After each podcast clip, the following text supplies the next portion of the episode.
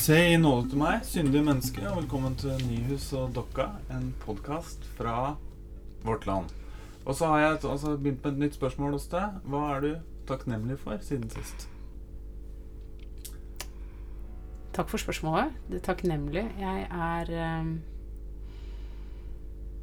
hmm, Jeg er takknemlig for uh, Det er så mange ting. Men sist var jeg takknemlig for at det, det, var, at det var litt kaldt og regnete. Og det er jeg fortsatt. Men jeg syns det er eh, eh, det, det som også er fint, er hvordan når det blir lys, så merker jeg at jeg får mer energi. Jeg får mer krefter. Jeg får, jeg får mer å gi Du, til tak, verden. du takker for lyset? Jeg takker for Jeg takker ljuset. Ja. Det tror jeg vi sier i dag. Ja, Og så stiller jeg samme spørsmål til dagens gjest, da, Kristine Andreassen. Hei på deg, forresten. Hei. Er du, eh, går du rundt og er takknemlig? Ja, egentlig. Akkurat nå så er jeg sånn takknemlig for pride-uka og alt det morsomme som skal skje. Uh, og ja, livet er ganske fint. Ja. Takknemlig for det. Så du skal gå i pride nå førstkommende lørdag. Yes, jeg gleder meg. Det blir gøy. Det blir min første pride.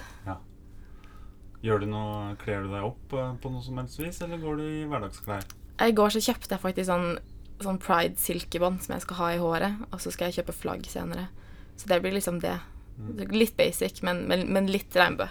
Går man under en parole i toget, eller er det mer sånn at man går Det er paroler, sånn som jeg skjønner det, men jeg skal gå bak eh, kirken på pride, tenkte jeg. Ja. Mm. Du, Kristine, du, eh, du er her i dag av flere grunner. Vi vil gjerne ha deg som gjest. Det ene er at du er eh, eh, forbundet med en ganske kjent far og bror.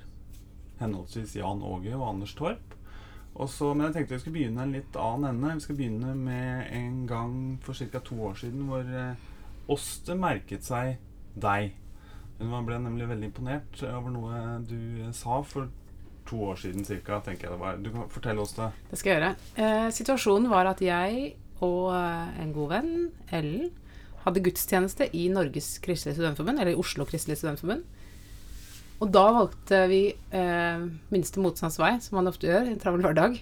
Det er for en prest samtalepreken. Og det betyr presten innleder, og så er ordet fritt. Det kan man gjøre i, små sammenhenger. Ikke så lett å gjøre det i en vanlig kirke på en vanlig søndag, men, men eh, i denne sammenheng går det helt fint. Og når da Ellen hadde, Ellen hadde innledet, og ordet var fritt, og folk rakk opp hånda, sa ting, hadde spørsmål, hadde ting til samtalen, og så rekker Kristine opp hånda og sier Ja, den teksten, ikke prekenteksten, men teksten vi leste fra Nye testamentet, altså epistelteksten fra Korinterbrevet, den er interessant, spesielt med tanke på hva som står før og etter den. Og så kom en liten refleksjon. Og jeg tror halve rommet tenkte sånn Jeg har glemt hvilken tekst vi leste fra Korinterbrevet. Og alle tenkte Hva i alle dager er det som står før og etter det tekstutsnittet? For Kristine har jo rett og slett bare en helt vanvittig bibelkunnskap. Ehm, og det har jeg også merka siden. Eh, og det er jo ikke uten grunn, Kristine. Nei, det, det er det ikke. Husker du, husker du den episoden her, du, eller? Ja, nå, ja, ja, det husker jeg. Det var, det var artig. Og jeg husker også at du kommenterte sånn Ja, hva er det egentlig som står før og etter? Eh, nå husker ikke jeg hvilken tekst det var, da, men eh, jeg tipper det var noe rundt Paulus, og kanskje der hvor han sier noe med tungetale før, eller noe sånt noe. Ja. Men du har, et, du har jo vokst opp altså i et uh, pastorhjem. ja. Ja, din far Jan Åge Torp var, var, eller er også i og for seg, pastor i Oslo, Oslo kirke. Mhm. Ja. Mm. uh, hva innebar det for din på en måte kristelige oppvekst? Uh, var det bibeldrilling? Ja, ja, det var det. Eh, før jeg begynte på skolen, så hadde eh, mamma sånn bibelskole med meg på morgenene. Sånn i stedet for å dra på ja, skole eller barnehage, så hadde vi bibelkurs hjemme. Så da smurte vi matpakke, og så lærte hun meg historier fra Bibelen. Så jeg ble jo skikkelig drilla i bibelfortellinger, eh, og det setter jeg skikkelig stor pris på i dag. Eh, og så var det veldig mye annet som ikke var så fint, fordi med en far som er hovedpastor i en menighet, så setter det ganske mange krav til alle, alle barna, til hvem de skal være, og hvem de ikke skal være. Eh, og det har vært eh, veldig vanskelig. Eh, I hvert fall i et sånn type hjem da, som jeg vokste opp i, der hvor Gud ble malt som ganske ekstremt dømmende, og helvete på en måte var liksom alltid noe som var veldig nært nært på livet. da. Sånn, Jeg gikk jo alltid rundt og var redd for å komme til helvete, redd for å synde, fordi da gikk det galt, og redd for Gud, egentlig. Eh, så jeg hadde masse sånn mareritt hele tiden om ja, at jeg synda og kom til helvete, og at det gikk skeis, og demoner i natten og sånn. Eh, så det var mye Veldig mye frykt i det, eh, egentlig. Eh, som var ganske vondt og ganske fælt. Eh, så jeg hadde jo vanvittig mye mareritt da jeg var liten, fordi det var så mange sånne skremselspropaganda da, som foregikk eh, i eh, menigheten. Og i ja, familien, stort sett, egentlig.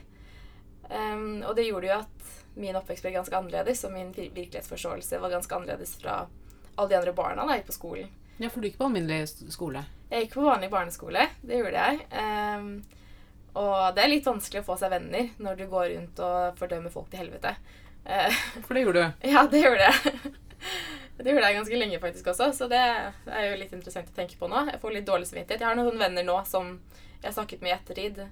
Eh, der var jeg bare si unnskyld for de tingene jeg sa. Eh, men jeg var jo på en måte Dette var jo bare det var, det var min virkelighet. Det var sånn jeg vokste opp, og det var det mest reelle for meg. Og så å si til folk at de skulle komme til helvete, det var jo min måte å få dem til å vende om, da, sånn sett. Eh, og prøve å få dem til å leve kom- mer rett. Det kom fra et godt sted, Ja, det var omsorg. på sett, på sett og vis. Ja, ja. En type omsorg som Ja. Ville nok ikke gjort det i dag, men eh, det var litt sånn det var. Nei, så det var egentlig Det var oppveksten min. Jeg, masse, masse kirke, masse gudstjenester. Eh, droppa alle sånne håndballkamper og korpseventer og sånn hvis du kom på en søndag eller krasja med noe i menigheten, fordi det var jo det viktigste. Eh, og det var kjempeviktig for meg også, selvfølgelig. Eh, så det var jo noe jeg var med på. Eh, og så begynte det å ta veldig av. Ja, altså, Hva betyr det? Begynte det å endre seg, eller begynte det å bli annerledes for deg? Em, det var en endring, og så ble det jo sikkert annerledes for meg også. Um, det kom til et sånt punkt der hvor uh, pappa, altså pastoren, han hadde møtt noen folk i, uh, i Zambia. Uh, og hadde fått tak på litt sånn demonutdrivelse og sånn, og tenkte det her, det her er viktig, det her er veldig spennende, og det skal vi implementere i menigheten i Norge. Og jeg var jo helt med. Så jeg var tolv, og så reiste vi til Zambia. Eh, og så lærte vi om demontrivelser og hvordan vi skulle drive ut demoner av andre, og ble drevet ut demoner av oss selv. Eh, som er helt sjukt å tenke på. Eh, jeg satt alene på sånn Det var sånn i Zambia type litt sånn litt sånn slumaktig. Eh, bare masse jordveier og bygd opp sånne kirker som bare hadde vegger og jordgulv. Eh, og så var jeg satt inn på et rom med en annen dame, og det var liksom hun som drev ut demoner av barn, da. Eh, og så fikk jeg bare beskjed om å puste fort eh, inn i et sånn kremmerhus lagd av avispapir. Eh, helt til jeg begynte å bli svimmel, Fordi da, da begynte effekten å komme da, av demonutdrivelsene. Så da gjorde jeg jo det, og jeg gråt jo og snørra rant, og jeg var jo Ja, jeg var, jeg var veldig redd, egentlig. Em, men samtidig så visste jeg jo at det her er jo bra, fordi nå, nå kommer demonene ut. Eh, og så fikk jeg en sånn liste etterpå da, med sånn hvilke demoner jeg hadde i meg. Og, så jeg tror det var tolv demoner jeg hadde. Ja. Tolv- og det, dette er liksom tolv demoner med hver sine navn og karakteristikker. Ja, med hver sin karakteristikk. Ja. Det kunne liksom være sjalusi, eh, koffeinavhengighet, sånne type ting da, som var på en måte satt som demoner. Um, og så kom vi hjem til Norge og fortsatte med disse greiene. Eh, og det var skikkelig intenst. Um, nei, å, nå glemte jeg noe. Det er litt viktig. Året før så var jeg i Danmark. på, på soldatleir. Eh, det var kjempespennende. Eh, da, jeg var heldigvis eh, litt for ung, så jeg ble satt i gruppen for barn. Og da fikk vi bare beskjed om at vi skulle em, Hele poenget var at endetiden er nær, og folk kommer til å drepe alle de kristne. Så nå må vi ordne opp i dette. Så da var poenget for barna at vi skulle lære oss å gjemme oss for de som ville drepe de kristne. Og så skulle vi lære oss å redde de som ble kidnappet. Så det var hele poenget. Så vi ble blekket sånn midt på natten, opp av senga, ut i skogen. Eh, fikk kanskje en lommelykt, og så var det bare å løpe av gårde. Um, og som et barn som var veldig mye redd, så var det, det var mitt verste mareritt. Jeg var livredd hele tiden. Um, og så fikk vi beskjed om at hvis vi ble tatt, så skulle vi stille oss opp på rekke, og så skulle vi svare, da, hvis de spurte om vi var kristne, eller hva vi var, at uh, jeg er en gudssoldat, drep meg om du vil. Eh, og det har satt seg litt i meg. Eh, det gikk hakket verre for broren min, for han var nei, Anders, eh, for han var eldre. Og der skulle de lære seg å bli torturert og stå imot all torturen. Så han ble jo holdt under vann i flere minutter og ble stappet liksom sand i ansiktet og i munnen til han ikke fikk puste. Så det var veldig intenst. Så det var på en måte sånn oppbygningen før Zambia, da. Og så kom Zambia, og det var jo veldig intenst, det også. En hel haug med sånn demontrivelsessesjoner etterpå i menigheten. Og mye av det hjemme også. Og jeg ble mer og mer redd. Um, og mamma begynte å ta mer og mer avstand. Ja, for hun var ikke helt med på notene. Nei, hun ville ikke at jeg skulle dra til Zambia. Det var, det var det verste som kunne skje for henne. Hun ville ha meg hjemme. Uh, og det var jo midt i skoletiden, så hun hadde på en måte en unnskyldning for at jeg skulle slippe det. Men fordi jeg var skoleflink, så sa læreren at det er ikke noe problem at Kristine er borte i to uker. Og da hadde ikke mamma på til noen flere argumenter Mm. å komme med, da. Så da dro jeg, og da ble mamma med. Eh, fordi hun ville være der. Men hun tilhørte samme menighet? Eller? Hun tilhørte samme menighet, og hun var jo fortsatt eh, gift med pappa. Det var, men det var bare veldig, det var veldig vanskelig, fordi det Ja, hun ville, hun ville ha seg selv ut og oss ut. Eh, men hun visste at hvis hun dro Hvis hun dro på det tidspunktet der, da, så ville jeg aldri fulgt etter. Da ville jeg jo bare stått i menigheten og blitt der. Ehm, men så til slutt så begynte jeg å, å se litt flere og flere ting. At det her var veldig skummelt, og jeg skjønte ikke helt hva som skjedde. Og det ble ja, bare mer og mer sånn fare rundt ting, da. Ehm, og da til slutt så bikka det over, og så spurte mamma om vi skulle flytte. Ja, du og henne. Eh, Ja, søsteren min. Og søsteren din, som er Mm. yngre, eller? Hun er eldre enn meg. Og din bror hadde allerede flytta hjemmefra på det tidspunktet, eller? Nei, han bodde fortsatt der. Han bodde fortsatt der. Mm. Ja. Så da flyttet vi. Ja. Fra den da. ene dagen til den neste? Ja. Mm. Det, var, det var heftig. Jeg hadde bodd litt hos eh, broren min perioden før. Eh, bare for å få litt avstand. Eh, fordi jeg var så Jeg var, jeg var livredd for faren min. Ja. Eh, så det var veldig godt å flytte, og veldig vondt, fordi hele livet mitt ble jo sunt på hodet. Plutselig så visste jeg ikke hvem jeg var, eller hvor jeg skulle, eller hva som skjedde. Jeg hadde jo på en måte Hele oppveksten min og alt i livet mitt var bygd opp rundt at jeg var kristen og at jeg sto for den jeg var, og at jeg hadde visse meninger som veldig få andre hadde. Og de eh, forsvarte jeg med livet. Og så var det over. Det, så dere brøt tvert med menigheten også? Ja. Mm. Jeg brøt med alt. Mm. Og gikk dere da over i en annen menighet, eller helt Nei. ut av det? Vi gikk helt ut av det. Eh, mamma er ikke Hun kommer og ser på meg på gudstjenester hvis jeg har gudstjeneste. Og ellers enn det så er hun ikke så veldig fan av å være med på alt mulig. Det er veldig forståelig. Um, så ja, men da ble egentlig livet snudd på hodet, og så ble jeg veldig sinna. Ja. Du gikk fra å være redd til å være sint. Ja. Byttet om de to følelsene. Eh, så jeg var veldig mye sinna, og jeg er også veldig mye redd, for jeg prøvde på en måte å finne ut eh, hvem, hvem er jeg nå, eh, og hva er det som skjer, og hva skal jeg tenke, og hva skal jeg tro. Så jeg sto egentlig veldig fast på alle meningene jeg tidligere, for jeg visste jo ikke om noe særlig annet. Um, og så fikk jeg spørsmål fra en venninne en dag om jeg skulle bli med på TenSing, eh, som er ungdomskor gjennom Norges KFUK KFM. Eh, og jeg var kjempeskeptisk, for det var sånn Å, jeg enda en sånn kristen greie, liksom. Eh, da var jeg inne da, så var jeg veldig kritisk til det, fordi jeg, jeg, var, jeg var så lei av alt. Eh, men så ble jeg med, eh, og så var det jo kor. Og jeg liker å synge, så da, da koste jeg meg. Og så fikk jeg lov til å stille alle mine spørsmål. Mm. Og det var ganske magisk, fordi å stille spørsmål var liksom ikke sånn som jeg gjorde altfor mye før. Spesielt fordi jeg ikke ville at Jeg ville ikke at noen i menigheten eller i familien skulle få det bildet av at jeg tvilte. Ja, for hva slags type spørsmål var det du brant inne med da? Nei, da var det jo type Hvem er det Gud egentlig er? Eh, og i den menigheten jeg var i da, så var homofili, homofili greit, men jeg var jo vant til at det kunne helbredes. Så da var det jo på en måte hva, hva, hva, hva betyr det? Hvordan kan dere være kristne når dere sier ja til homofili? Det funker jo ikke for meg eh, i mitt hode, og jeg har jo helbredet folk på homofili før, ikke sant? Um, ja, det var veldig mye sånt. Men det var mye, det var mye rundt hvem, hvem er det Gud er ehm, for dere. Uh, fordi Gud for meg var jo skummel og veldig stor. Um, så det var en sånn sakte, men sikker prosess der jeg fikk lov til å utfolde meg og stille alle de merkelige spørsmålene jeg brant inne med. Uh, og hadde mange samtaler med eh, presten, andre voksenledere og andre ungdommer. Uh, som gjorde at jeg sakte, men sikkert begynte å skjønne at å ja, det finnes en sånn type tro. Og en sånn type gud Jeg vet ikke om det er en annen gud enn det jeg vokste opp med, eller Ja. om det er samme. Fordi det må man bare lure på. Er dette egentlig den samme religionen? Altså, jeg, tenker både praksisene og det man tror på, og det som er liksom driverne, er så annerledes. Har du, har du f.eks. hatt en slags konstant gudstro eller måte å be på eller et eller annet gjennom dette store skiftet? Eller er det, er det, er det helt, to helt ulike ting? Det føles veldig ulikt. Det gjør det. Eh, men samtidig så er jeg litt sånn herre Nei, jeg vet ikke. Eh, fordi Gud skal jo på en måte alltid være den som passer på. Og Gud skulle, var jo den som passet på meg da jeg var liten også.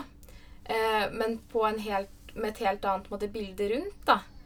Ehm, men jeg vet ikke om jeg kan kalle det liksom samme, samme Gud eller ikke. Det syns jeg er kjempevanskelig. Eh, må, jeg må ha ti år til jeg, med forskning, og så kan jeg kanskje svare på noe sånt nå. Men du ser, du ser altså for deg en, en konstant gjennom hele livet, selv om bildene er skiftet ut? Ja, jeg tror det. Hvis jeg forstår det riktig? Ja. Åste, har vi kommet til dagens bibelord, har vi ikke det? Ja, dagens bibelord kommer nå. Jeg skal lese fra Lukasevangeliet. Lukas 4. I synagogen var det en mann som var besatt av en ond og uren ånd. Han satte i og ropa av all kraft. Hva vil du oss, Jesus fra Nasaret? Er du kommet for å ødelegge oss? Jeg vet hvem du er, Guds hellige. Men Jesus truet den og sa, Ti stille, og far ut av ham. Den onde ånden rev mannen over ende midt iblant dem og for ut av ham, men uten å skade ham. Alle ble forferdet, de sa til hverandre, Hva er dette for slags tale? Med makt og myndighet befaler han de urene åndene, og de farer ut. Og ryktet om ham spredte seg overalt i omegnen. Og dette er jo en av eh, flere tekster i Nytestamentet hvor Jesus eller disiplene eh, eh, får ånder Altså driver, driver ut onde ånder, demoner osv. Eh, Kristine, jeg lurer på hva, hva, hvordan leser du de tekstene? Hva, hva tenker du om dem i dag? Å, det er vanskelig. Det er flere sånne tekster i Bibelen jeg får litt lyst til å bare rive ut og si nei, nei, nei, det her orker jeg ikke.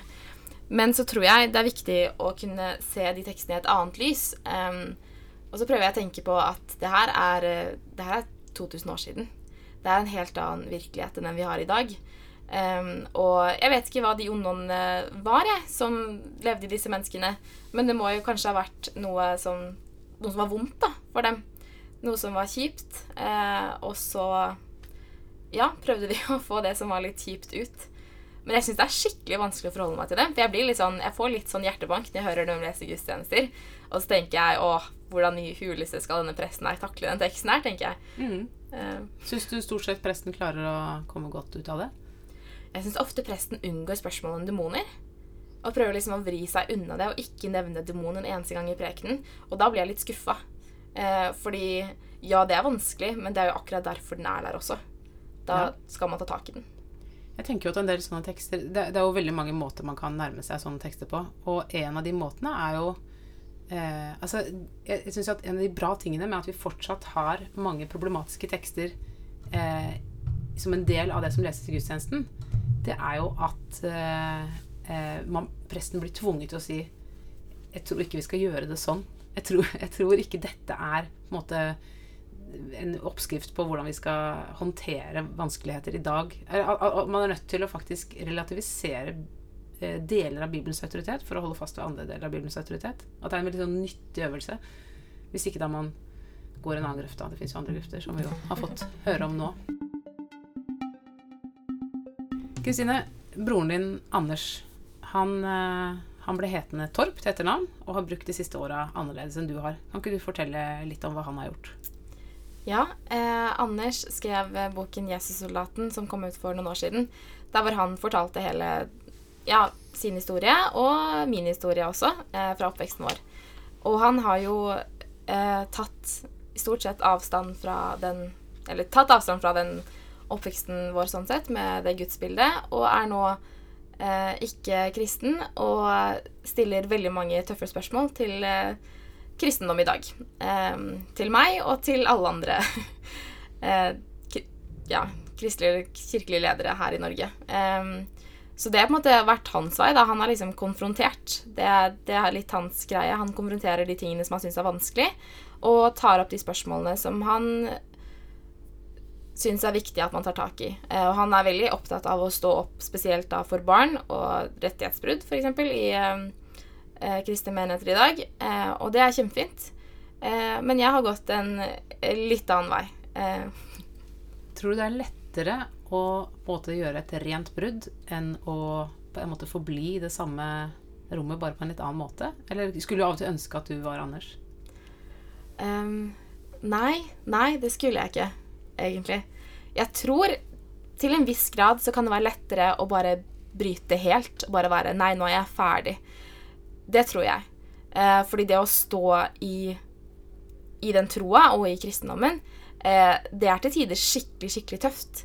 Eh, fordi noen ganger så får jeg litt sånn flashbacks til hvordan det var da jeg var liten, når jeg hører andre, hva andre prester f.eks. sier.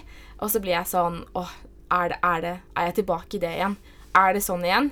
Eh, men samtidig så tror jeg også det er en stor styrke i det. Eh, I å kunne finne en, en annen vei eh, i troa. Eh, og finne en annen måte å tro på og forholde seg til religion på.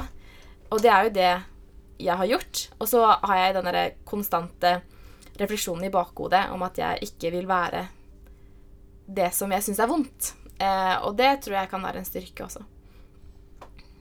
Hva, hva tror du det er som gjør at du har holdt fast ved noe og ikke bare Og ikke brutt fullstendig? Er det, hva er det lille liksom arvesølvet som alltid har holdt deg, holdt deg igjen i kirka?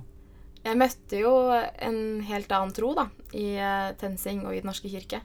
Så jeg tror egentlig det var det som gjorde at jeg At det var sånn. Og så fordi jeg var 15 da jeg begynte i TenSing. Eh, Anders var 20 da han brøt ut. Eh, så jeg tror på en måte sånn Ja, 15-åringer de er ofte ganske veldig åpne for livet og hva det har å by på. Eh, så når vennene mine sa 'hei, hei, bli med på TenSing', eh, så er ikke jeg så veldig vanskelig å be. Ja, det skjedde i den, i den såkalt formative fasen, ja. Ja, Så hvis vennene dine hadde sagt sånn hei, hei, bli med og røyke hasj, hadde det kanskje blitt en annen livsvei for deg? ja det hadde det kanskje blitt. Mhm. Å gi ungene tensing før hasjen tar dem. Mm. Men nå er jo du uh, på vei til å bli prest i Den norske kirke. ja. Det er Uh, når var det du bestemte deg for det?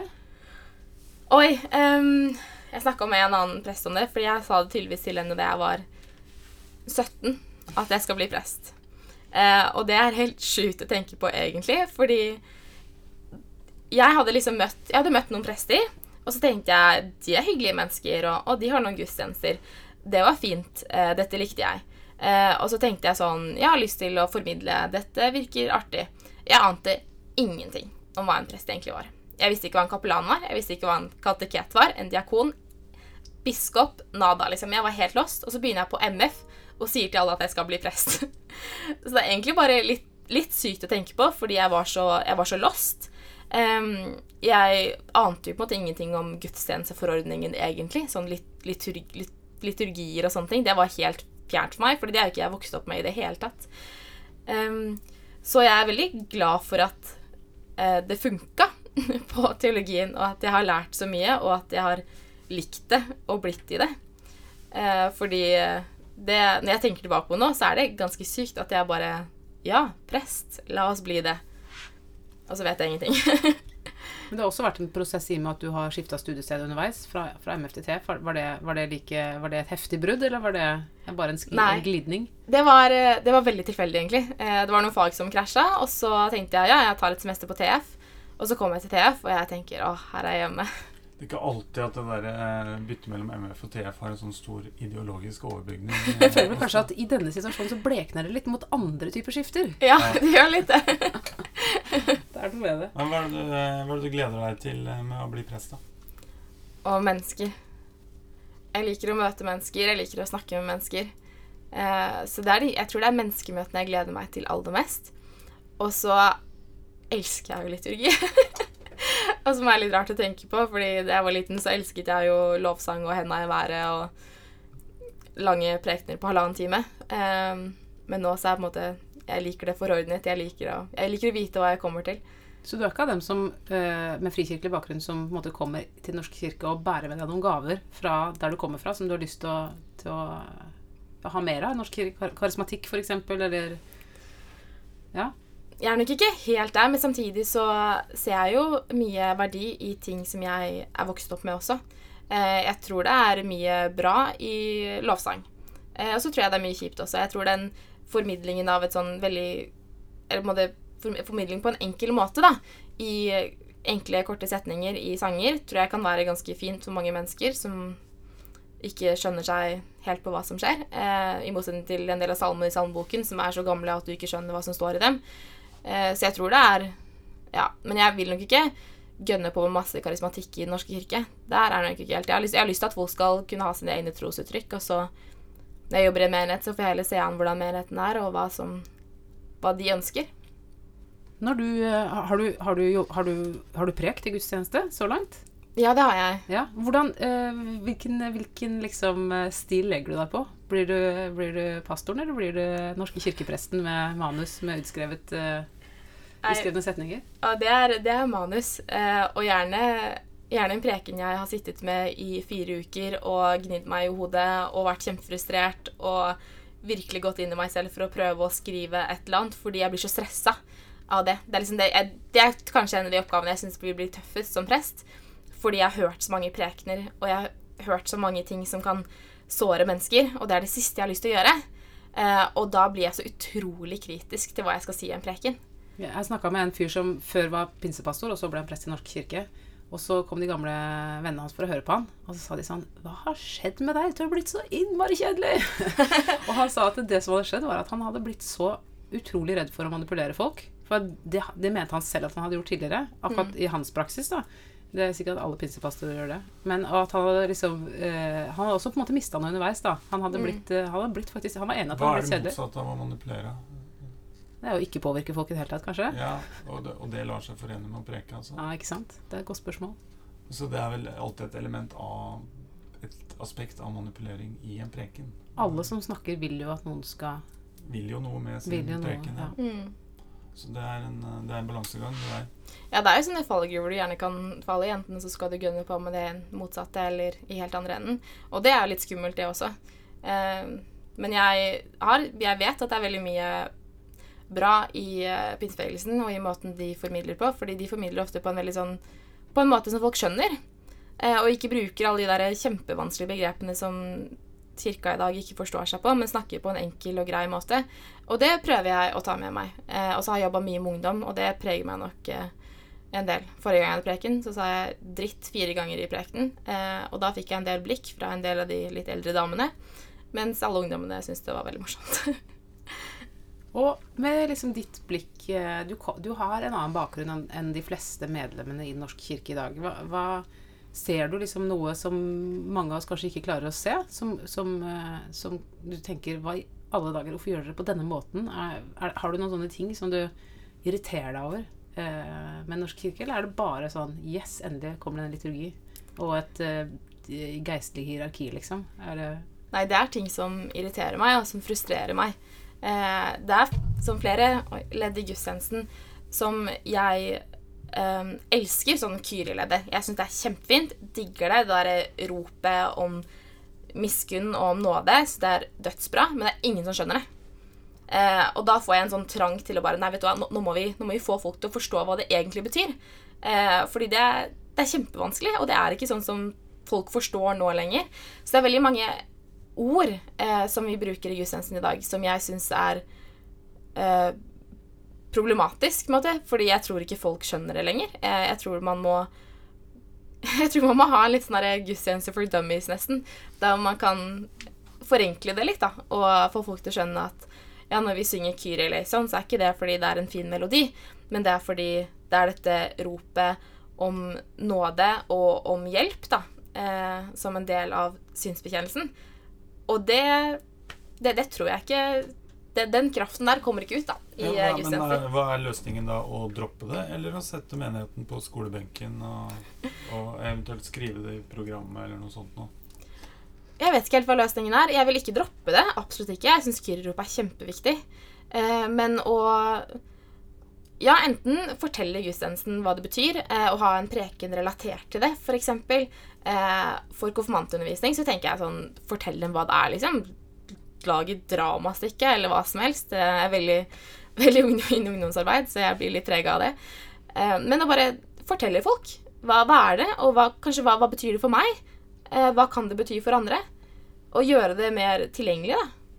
Jeg tenker Dette berører jo en av de store utfordringene som Norske kirke står i, mellom det derre folkepedagogiske, eh, hvor, hvor eh, det, det, det kristne, det religiøse språket ikke lenger er allment kjent. Eh, og du, du kan ikke på en måte forutsette at folk skjønner hva du prater om. Du kan ikke forutsette at dåpsfølgere skjønner at de må følge med på salmenumrene på veggen, de, de, og, og hvorfor det er organisert på den måten det er. Hvilken Om du skal lese nedover eller Bortover, på en måte ja. bortover og frem og Ikke tilbake. Altså det, det, er, det er ikke allmennkunnskap lenger. Du har det på den ene sida, og så har du de folka som har gått i kirka hver søndag hele livet, og som, eh, som gjerne kommer dit for, eh, ja, av ulike grunner, men som også søker fordypning, da. Eh, og, og ikke vil ha en gudstjeneste for dummies, men en gudstjeneste for Nei, det vil være veldig trettende hvis du må gjennom den pedagogiske fasen hver gang. Ja, og en ting til er jo det der med når man er på gudstjeneste hvor presten har bestemt seg for å forklare hvert eneste ledd i eh, liturgien. Det er jo noe av det mest irriterende. Eh, Ja, da tar det en evighet. Det tar en evighet, og så er det veldig sånn Det er jo noe med at du hvis, ma, hvis du får servert mat, så er det jo på en måte smaksopplevelsen som er poenget. Det er jo ikke egentlig noe du vet om det ligger på en seng av eh, Det Svidd vårløk, ja, det, liksom. det er alltid det kjedeligste å gå på restaurant, er å få det lille foredraget fra servitøren. ja. Skal vi eh, gå til Bordet fanger? Det er vår siste spalte. Her, eh, Jeg vet ikke om du har hørt på oss eh, før, Kristine, men i denne spalten så skal du lansere et godt samtaletema til det neste middagsselskapet du skal i. Det kan være et reelt middagsselskap, eller det kan være et tentativt eller et hypotetisk middagsselskap. Det spiller ingen rolle. Skal vi begynne med, skal vi begynne med oss i dag, tro?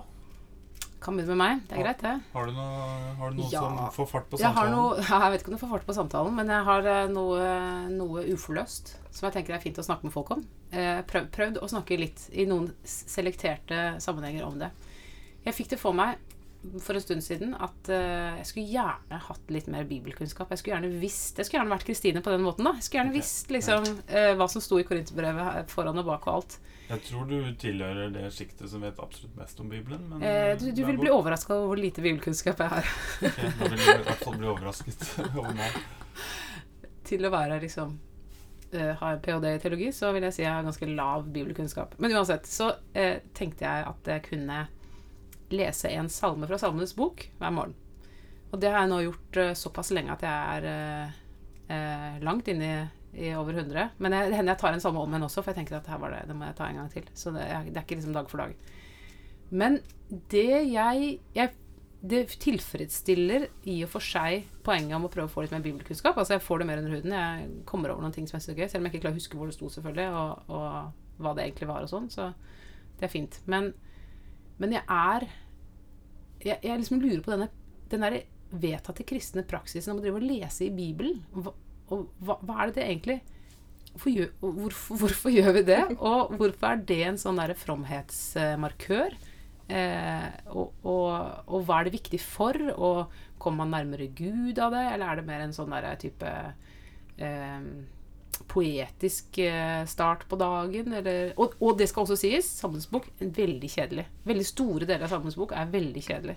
Rett og slett, og det er mye sånn jeg, fiendebilder og hat og en del sånne ting som er inni der. Som jeg ikke syns det er helt opplagt hvordan jeg skal forholde meg til. Ja, jeg vet ikke om jeg helt uten videre er med på at det er en klar fromhetsmarkør. jeg har vel òg hørt motsatte. Folk som nærmest koketterer over at de ikke leser Bibelen. Eh, og, så, og da snakker jeg om strålende teologer. Eh, så det slår litt begge veier. Nei, man må vel lese det av samme grunn, eh, vil jeg anta, som man leser stor, stor litteratur. Bare at dette har enda et kanskje enda et sånn eksistensielt lag. Eh, men det må jo være fordi det gir en noe. eh, og, det må, men et, og det må jo være lystbetont Ja, men jeg føler at det egentlig blir enda verre hvis jeg også må føle at jeg får noe ut av det og har lyst til å gjøre det. Og så er det ikke nok å gjøre det. Må, må det være, altså, da, da føler jeg at kravene blir så store at, at det egentlig blir verre. Eh, hvis man skal være motivasjonsstyrt snarere enn mange, disiplinstyrt. ja, men jeg ser jo stadig det, det har nok eh, Det kan nok være en fromhetsmarkør òg. Jeg ser ofte fremstående politikere og sånn som gjør et eh, nummer ut av at de eh, begynner dagen med et bibelord, og at det I Norge. Ja, i Norge da. Eh, og at det på en måte poder dem og stålsetter dem for dagen og, og setter dagen i riktig perspektiv. Gjør dere det? Jeg gjør det ikke, eh, men, eh, men jeg tror nok et, eh, Min antakelse er at Bibelen leses mer og av folk du kanskje ikke ville anta leste i Bibelen, men som plukker opp Bibelen eh, i, i ulike stunder. Ja. Kristine, leser du et bibelord daglig? Nei, det gjør jeg ikke. Det har, men jeg har eh, Jeg føler at jeg burde det, men så har jeg ikke alltid lyst. Og da gidder jeg ikke. Det er litt den innstillingen jeg har.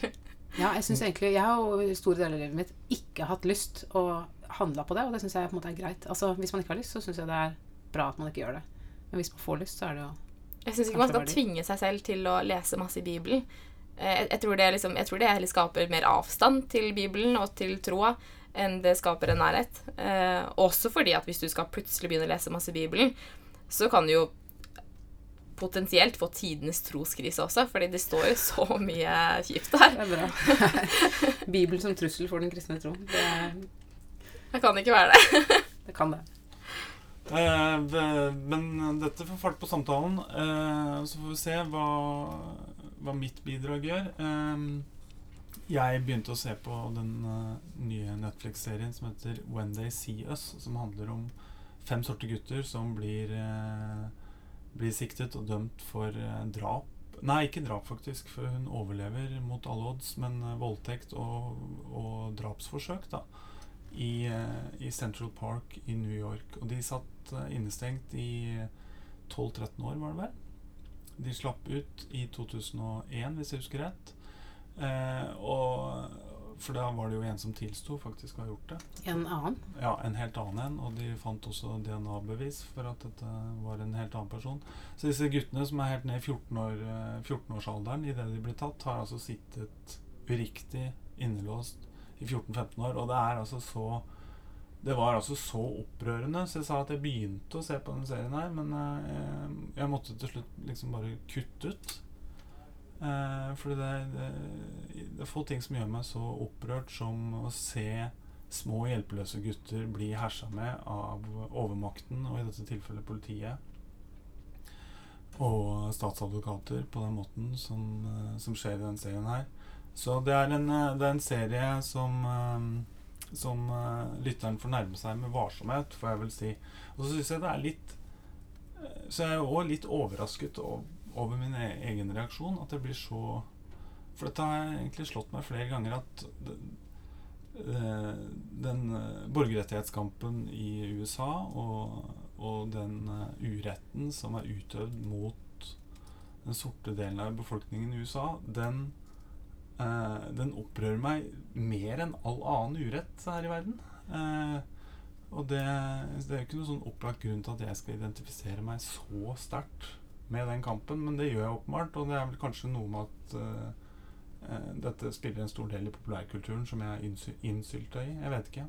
Men hva med deg, Åste? Er du Jeg kan sitte og gråte når jeg ser på taler til Martin Luther King og Bobby Kennedy og eh, liksom faller helt ut av meg selv.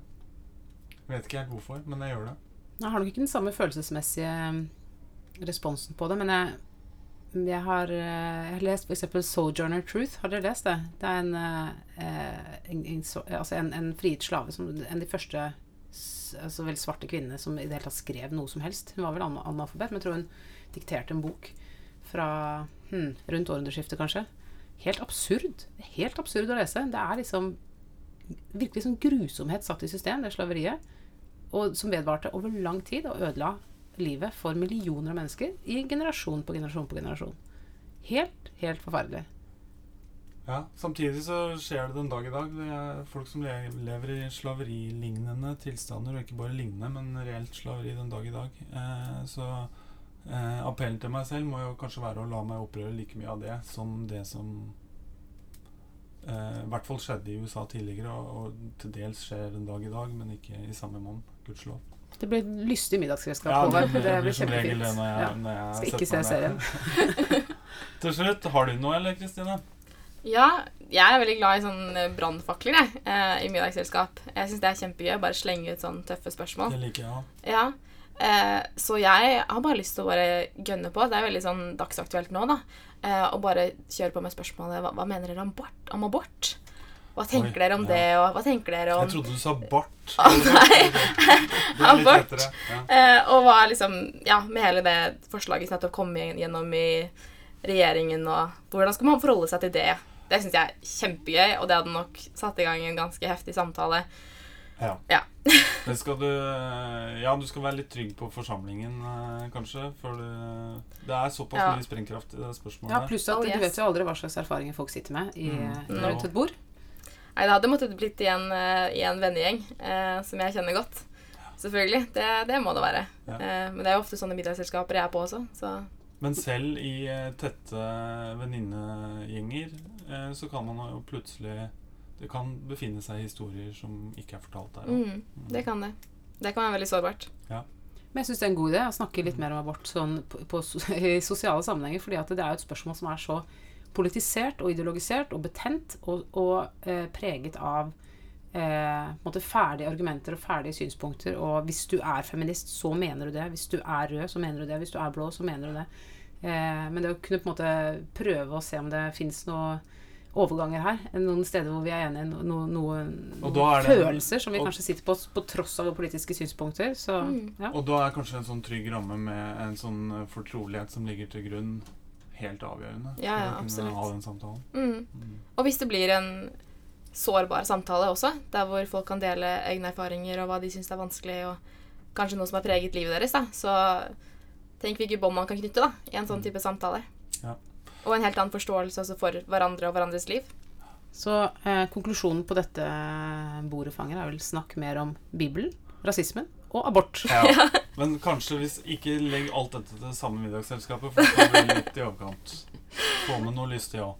Yes. All right. Tusen takk for at du kom til oss. Takk, Takk for for at jeg fikk komme.